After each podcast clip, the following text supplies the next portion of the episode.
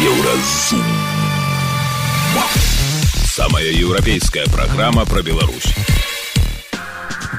Вітаю, гэта праграма Еўразум.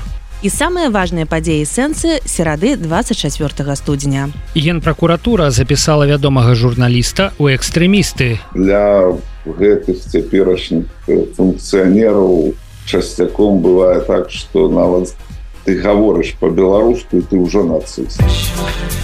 Што незвычайнага ў новай вайсковай дактрыне Беларусі. Выключаць таго, што якраз такім рукамі Лукашенко рускія могуць выкарыстаць элемент ядернага такога шантажу ці ядернага удару таксама можа быць калі калі для Пуціна пытанне стане востра там жыцця ці смерці. Пакуль што гэтае пытанне не стаіць.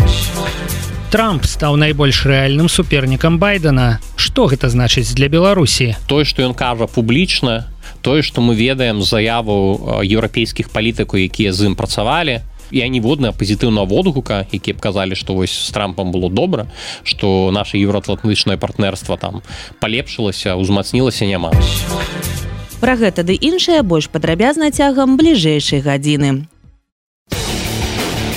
Еўразум. Беларусь у еўрапейскім фокусе. Так званая генпракуратура распачала крымінальную справу на журналіста, публіцыста, блогера і проста вялікага майстра вялікай ложы Беларусі Сергея Дубаўца. У адным пакеце яму інкрымінуюць экстрэмізм, рэабілітацыю нацызму і цытата, адмаўленне генацыду беларускага народа ў гады вялікай айчыннай вайны і пасляваенны перыяд. Вось гэты генацыд беларускага народа ў пасляваенны перыяд дубаўца асабліва зацікавіў. Хто і як знішчаў беларусаў у савецкі перыяд, Няўжо савецкія ўлады. Ну наўрад ці пракурорскія работнікі мелі на ўвазе менавіта гэта.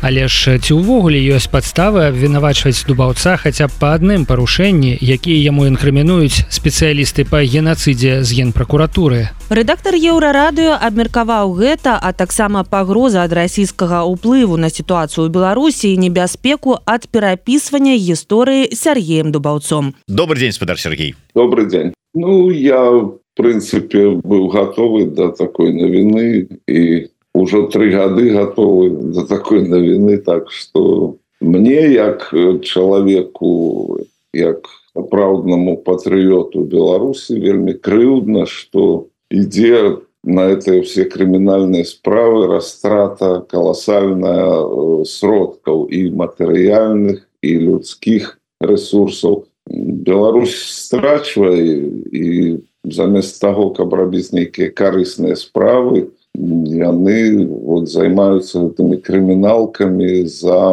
фактычна прафесійную дзейнасць але калі э, паглядзець на тое э, якія злачынствы вам інкрымінуюць то вы что э, рэабілітуеце нацызм і адмаўляеце геноцид беларускага народа э, у сваёй дзейнасці что вот былі так готовыя до таго вот что мы сёння маем Ну я трохі ведаю нашу гісторыю безумоўна я ніякім бокам не не атасамліваюся без нацызму але для гэтых цяперашніх функцыянераў часцяком бывае так что нават ты гаворыш по-беларуску ты ўжо нацыст что зрэшты скажем во Украине расейцы открыто называют там денацификации это значит вынішчением э, э, самобытности украинского народу в беларуси яны яшчэ открыто так не гаворыць але все до того ідзе тому что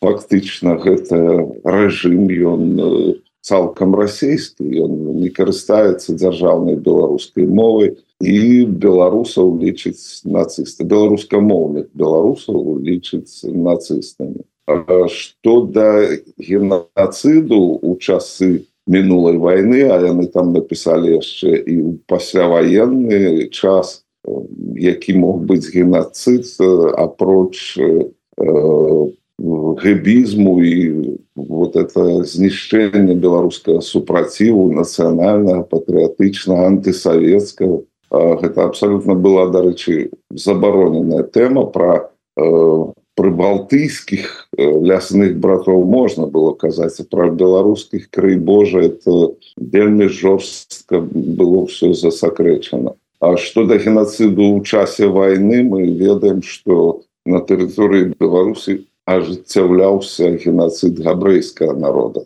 Геноцид это значит фізычнае знішчэнне паводле нацыянальнай прыкметы фізычнае знішчэнне беларусаў паводле нацыянальнай прыкметы у часы войны у беларусі не было былі іншыя прычыны у нацыстаў знішчаць паліць вёскі знішчаць падпольшчыкаў знішчаць партызан а что да рысаў самабытнасці беларускага народу то якраз под нямецкай акупацыі в беларусі была широка уведзена беларуская мова открыліся беларускія школы реально беларускія не по тэрытарыяльнай прыкмеце а реально беларускія дзейнічалі беларускія арганізацыі маладзёвыя ну, прабачце э, самапомач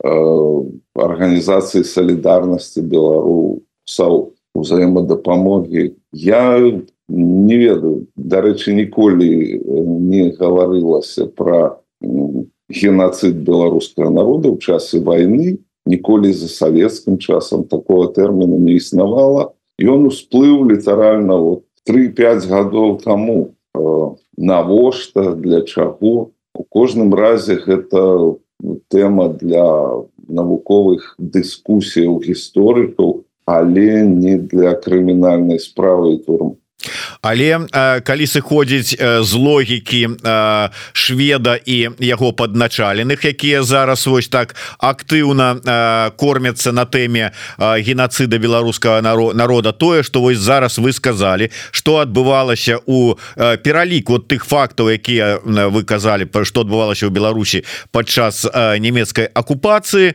Гэта фактычна яшчэ один а факт вашага як это тут пішется рэабілітацыі нацызма? Тут няма ніякай рэабілітацыі нацызма.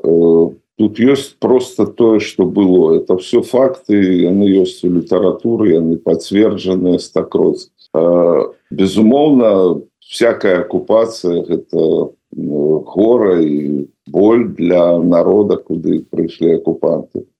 Ніякага рэабілітацыі ці там ухвалення гэтых з'яваў не мае быць не можа бо бо вайна это заўсёды дрэн і дзе ж тут рэабілітацыя На сувязі з еўрарадыё быў публіцыст Сергей Дубавец. Мы абмяркоўвалі, што беларуская генпракуратура называе рэабілітацыяй нацызму і адмаўленнем генацыду беларускага народа ў часы вялікай айчыннай вайны. Выглядае на то, што якраз дзеянне беларускіх сілавічкоў у дачыненні да праціўнікаў цяперашніх уладаў і ёсць тымі самымі нацызмам і генацыдам.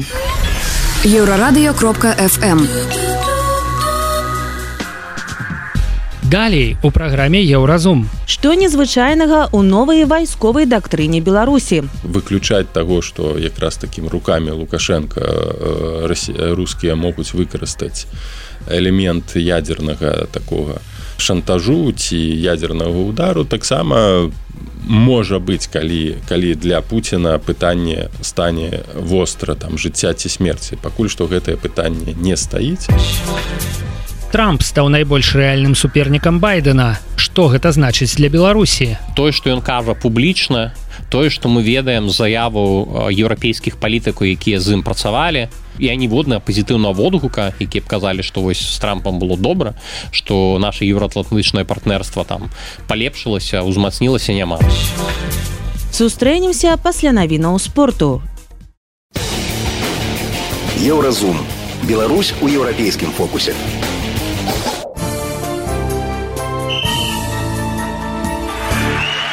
На еўрарадыё навіны спорту.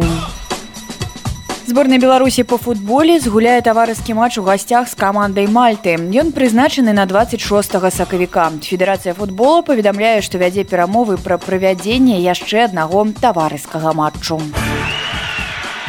Баскетбалісты гродна 93 у чэмпіянаце беларусі разграмілі ў віцебску рубон 115 69 у родзінцаў стала 35 ачкоў і яны выйшлі на першае месца магілёўскі барысфен адстае на одну ачку але мае матч у запасе. 26 студзеня лідары сустрэнуцца ў гродні у У беларускай хакейнай экстралізе шахцёр атрымаў 15тую перамогу запар. На гэты раз быў абыграны лакаматыў 4-2. З такім жа лікам юнацтва перамагло ў гасцях віцебск. У салігорцаў 76 ачкоў, у віцебска 68, гомель набраў 60. Ягор Шарангович закінуў двадцатую шайбу ў чэмпіянаце НХл, таксама зрабіў выніковую перадачу. Здарылася гэта ў матчы, які калгары дома прайграў сент-луісу 3-4. У актыве беларускага хакеіста 34 ачкі пасля 47 гульняў. Гандбалісты мяшкоў брэста без паражэнняў прайшлі першы этап сеха лігі. Яны першыя ў групе А з 13 ачкамі. Матчы плэй-офф пачнуцца ў канцы лютага. Гэта былі навіны спорту на еўрарадыё. Заставайцеся з намі.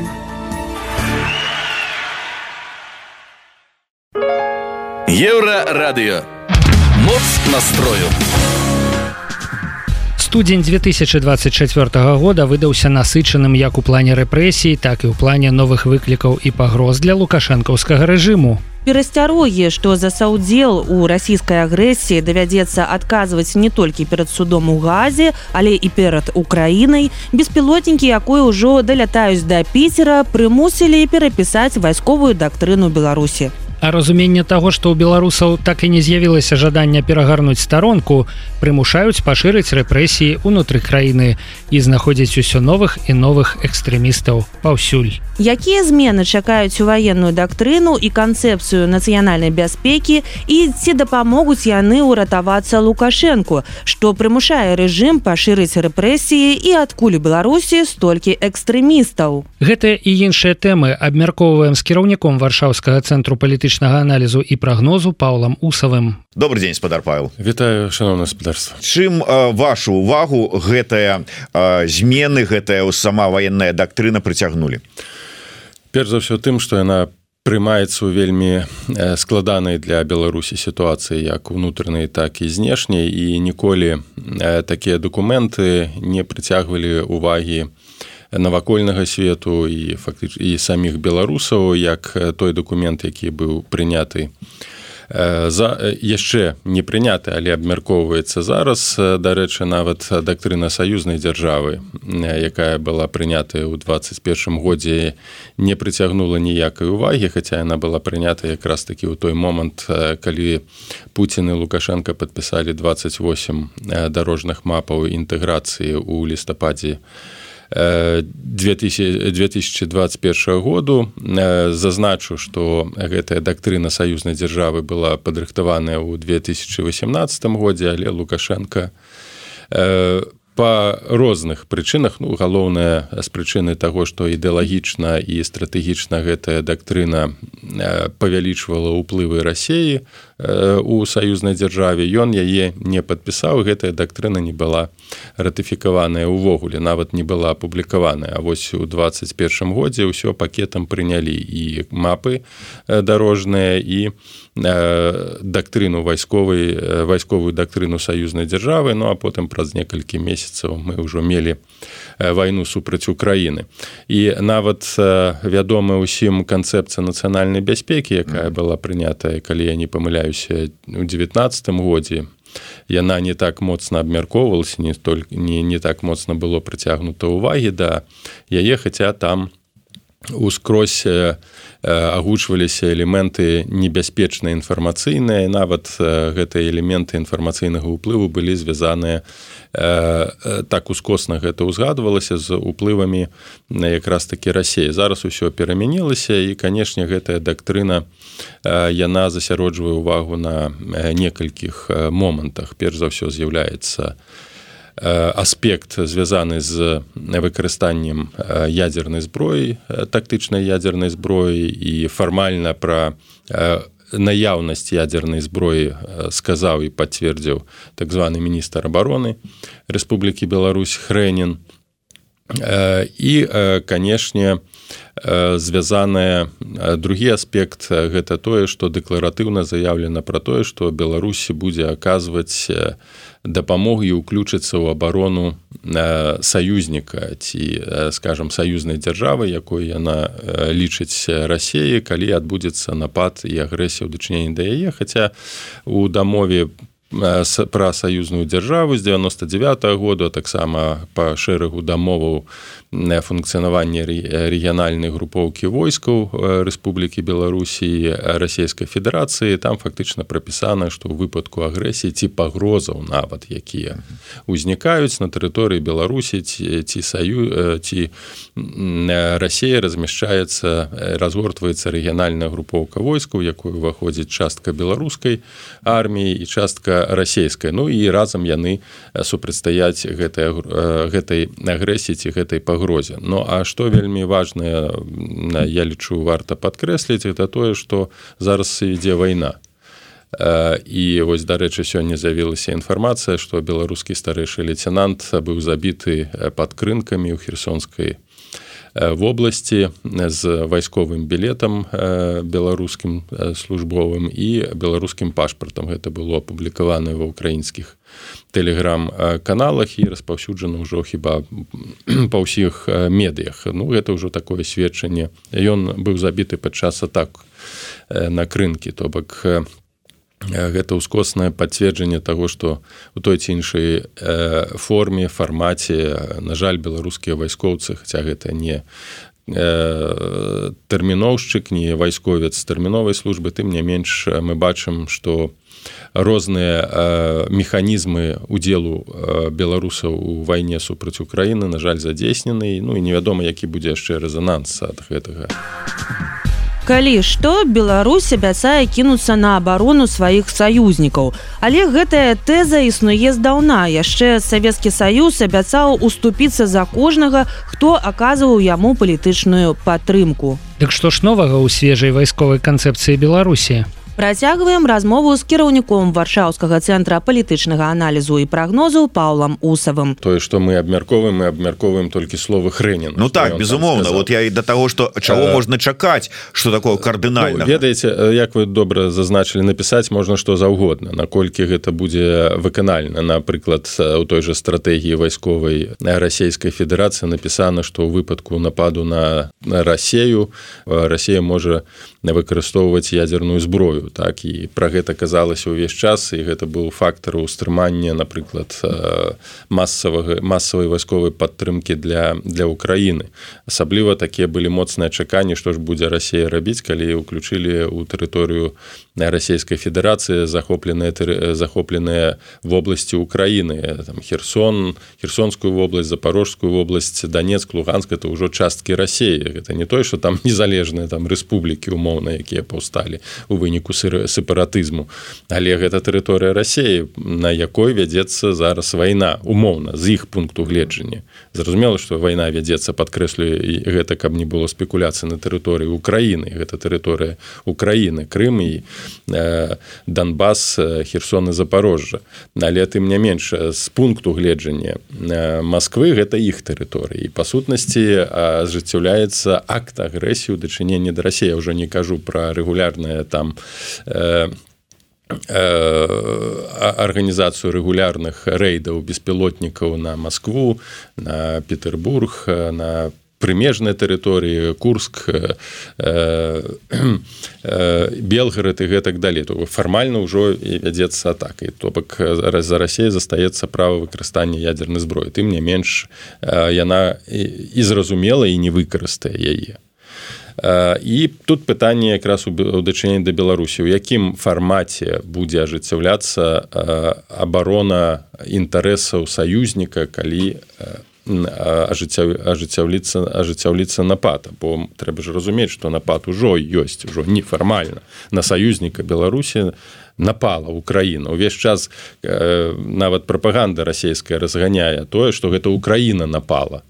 Калі на першым этапе вайны яны ішлі вызваляць украіну ад нацыстаў бандераўцаў там і і натаўцаў то зараз рыторыка якая у і наратыў які абслугоўвае расійскае грамадства і тая прапаганда ён кажа про тое что гэта Украіна напала. Мы толькі бараніліся. Так вось яны напалі на хацелі до Москвы дасць. Ну, то бок ужо фармальна факт агрэсію і лукашенко ж увесь час кажа что калі б не мы першае там то вось там з тых трох я вам покажу памятаць там на першы месяц тыдні тыдні войны он там на мапе показываў адкуль рыхтаваўся напад. То бок фармальна ўжо умовы для того каб беларусы э, пачалі абараніць Росію ёсць. І гэта тая пастка у якую сам сябе лукашенко заганяе. Ну калі ты сказаў что ты будзеш бараніць свайго саюзніка які вядзе вайну на якога ўжо напала нато Ну то давай барані Ну что ты будзеш рабіць адправіш туды свае войскі ці з тэрыторыі беларусі арганізуеш напад. Ну то бок вось тут ужо ён пакуль дапамагае чым можа. А патрэбы у вайсковай пакуль няма. Ну не прагучала ж там заклікі з Крымля что там Саша уведзі ну, войска не ну тут же уласная матывацыя. Тут як памятаеце у усе ведаюць у першая сусветная вайна і другая калі ёсць нейкі саюз тады была там малая антанта потым быў падпісаныя саюзы там Великабрытанія Францыя Польшчы на Францыю фармальна і на Великабрытанію ніхто не нападаў але яны выконвалі свае абавязкі якія былі прапісаныя ў дамовы абвесцілі вайну гітлераўскай нямметчыне і тут гэтая дактрына закладае прававыя аспекты на ну для нейкага дзеяння. Альбо ты абвяшчаеш умоўна вайну альбо ты уключаешься ў нейкае супрацьстаянне хаця там у той час была так званая дзіўная вайна нібы і была вайна і нібы не была вайна. І таксама гэтая дэкларацыя можа быць нагодай для дзіўнай вайны. Мы нібы ваюем і нібы не ваюем што фактычна рэжым лукашенко ажыццяўляўся гэтыя два гады. Але по ўжо ўвядзенне ну вось у такой крытычнай сітуацыі для беларусі таких аспектаў што мы гатовыя ваяваць за рассею ну мне лічыцца ў ідэалагічным сэнсе небяспечна. Тым больш што вось гэтая зараз рыторыка пра вайсковая пра расійская вельмі моцна на прасоўваецца унутры беларускае грамадства асабліва школы універсітэты. Ну і другі момант ядерная зброя так у якім фармаце? Ну выключаць таго што якраз такім руками лукашенко рускія могуць выкарыстаць элемент ядернага такога шантажу ці ядернага удару. Таксама можа быць калі калі для Пуціна пытанне стане востра там жыцця ці смерці. Пакуль што гэтае пытанне не стаіць.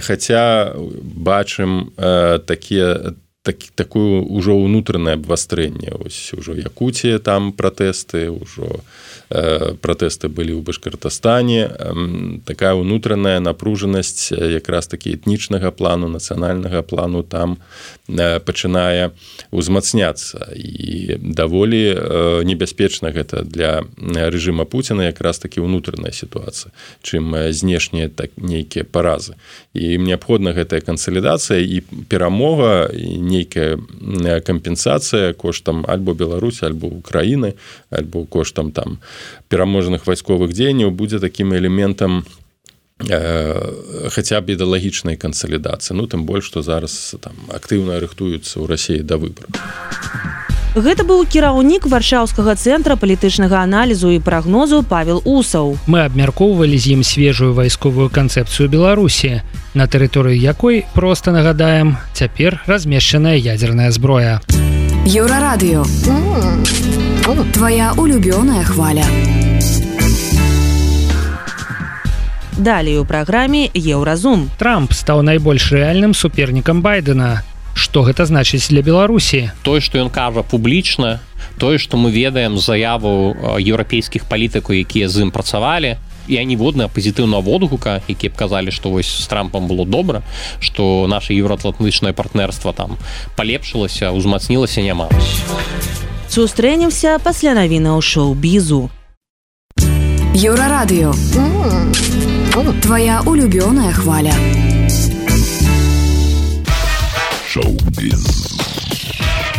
Шоу-біз.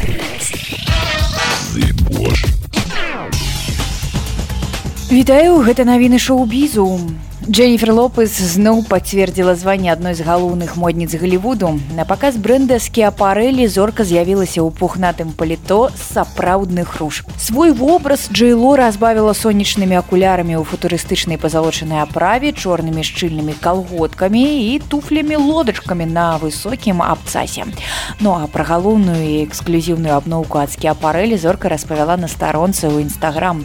Паліто зроблена 7 тысяч пялёсткаў сапраўдных сапраўдных руж а сваю жывасць і свежасць яны захавалі дзякуючы цукровай вадзе якую таксама называюць нектарам калібры.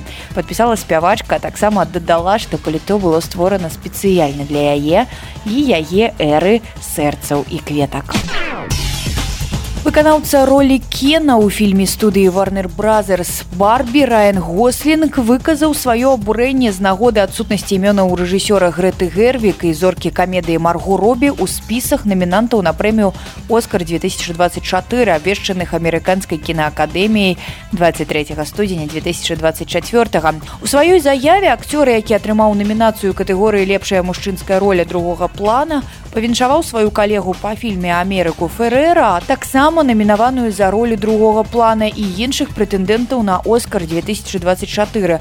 Аднак падкрэсліў, што роля пластмасавага кена, якой ён вельмі ганарыцца, была б немагчымая без грэтай і марго. Без барбі няма кена, а без гэты гервік няма фільма, які ўвайшоў у гісторыю барбі. Ніхто з тых, хто браў удзел у стварэнні фільма, не атрымаў бы прызнанні без іх таленту, мужнасці і гені геніяльнасці. Я вельмі расчараваны тым, што Грэта і Марго не былі намінаваныя ў адпаведных катэгорыях Оскара. Адсутнасць Грэты Гервік і Марго робі ў спісе намінантаў на прэмію Оскар абурыла не толькі радавых гледачоў, але і вядомых персон, напрыклад Стывена Кінга, які выказаў сваё расчараванне ў сацыяльных сетках.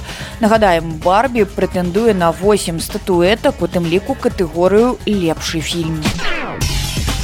Гульня на выжыванне вяртаецца Netflix афіцыйна пацвердзіў, што другі сезон хіта 2021 гульня ў кальмара будзе прадстаўлены на стрымінгу ў 2024. Акрамя таго, з новымі сезонамі вернуцца і іншыя папулярныя серыялы дыпламатка і імператрыца з другімі сезонамі і брыджертоны з трэцім. Гэта безумоўная радасная для прыхільнікаў серыялаў інфармацыя змешчаная ў лісце Netflix інвестарам, у якім падкрэсліваецца, што леташнія за забастоўкі хоць і адтэрмінавалі выхад некаторых праектаў тым не менш не перашкодзілі ажыццяўленню планаў на 2024 год. Гэта былі навіны шоу-бізу заставайцеся на хвалях. Еўрарадыё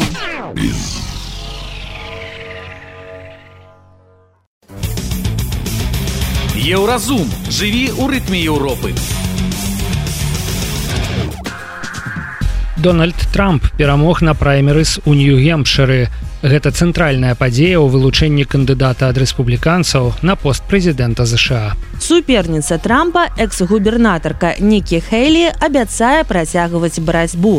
Але ж напраўду параза на апошніх праймерас фактычна выключаю яе з выбарчай гонкі. А Трамп становіцца самым верагодным праціўнікам Джо байдена на выбарах. Што гэта азначае для Беларусі? Абмяркоўваем гэта з аналітыкам еўрапейскага савета па міжнародных адносінах былым супрацоўнікам МЗС Беларусі Паўлам слюнкіным. Ну нічога добрага я ад гэта не чакаў. Як мінімум тое, што ён кажа публічна, тое, што мы ведаем заяву еўрапейскіх палітыкаў, якія з ім працавалі, сам заяву вось з маіх размоваў з еўрапейскімі дыпламатамі і палітыкамі якія працавалі працуюць у мзсах ці там ва ўрадах аналітыкаў якія таксама працуюць там. Ну я ніводна пазітыўна водгука які б казалі што вось з трампам было добра што наше еўроатлантычнае партнерство там палепшылася узмацнілася няма затое было шмат заяву напрыклад там спадарня меркель казала ж пасля размовы з трампам яна сваім паплечнікам казала ж нам трэба рыхтавацца до таго каб мы маглі абараняць себе самі бо трамп пужаў тым што злучаныя штаты збіраюцца выходзіць з нато. Наколькі гэта не рэалістычна ну складана сказаць. Але ён шмат сваіх абяцанняў выконваў. І таму калі паглядзець на яго заявы про тое что ён з Росіі збіраецца дамовіцца па сутнасці са пахадзіўшыся саступіць частку украінскіх тэрыторый Москве таксама раней там ты хто яго падтрымліваю наказалі за то яго моцная пазіцыя по Китаю вось нядаўна у трампа было інтэрв'ю дзе ён якраз скажа про тое что не факт что злучаныя штаты і за Тайвань будут заступацца калі Китай акупуе. Таму ну скажем калі верыць таму что чалавек кажа то добрага чакаць нічога не стаў Ну, дарэчы ёсць пытанне ну прыблізна на гэтую тэму ад нашага гледача под нікам Энди Джонсон. Энди Джонсон як там Швейцарыі прывітання давно не былі у нас вы у каментатарскай. Ці адбываюцца прэвентыўныя контакты з прадстаўнікамі Трампа куш кушнера на выпадак калі той выйграе выборы ў ЗША ну прэвентыўныя контакты у каго з кім Ну да не удакладнялася Ну я так разумею что наўрад ці там я не ведаю там умоўна у ціхановскай у латушки там ці ў шлюнькіна могуць быть такія контакты прэвентыўныя ці не.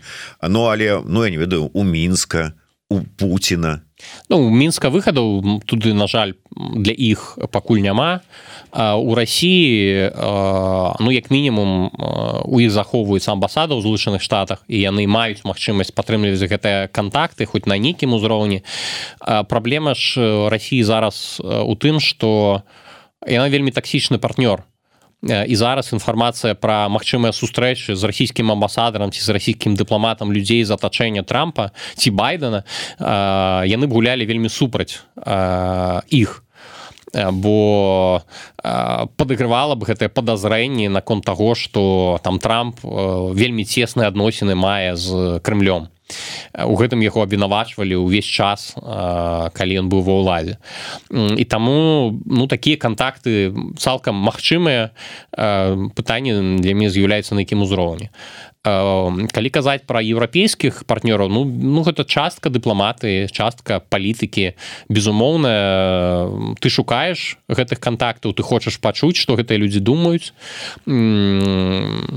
Як яны бачаць будучыню палітычную вайсковую Европы адносінаў і канешне я ўпэўнены што еўрапейскія дыпламаты якія працуюць у злучаных штатах яны з гэтай задачай спраўляюцца і гэтыя контакты іх ёсць. Просто пытанне про тое што яны не вырашаюць будучыню там лёс рэгіёну так?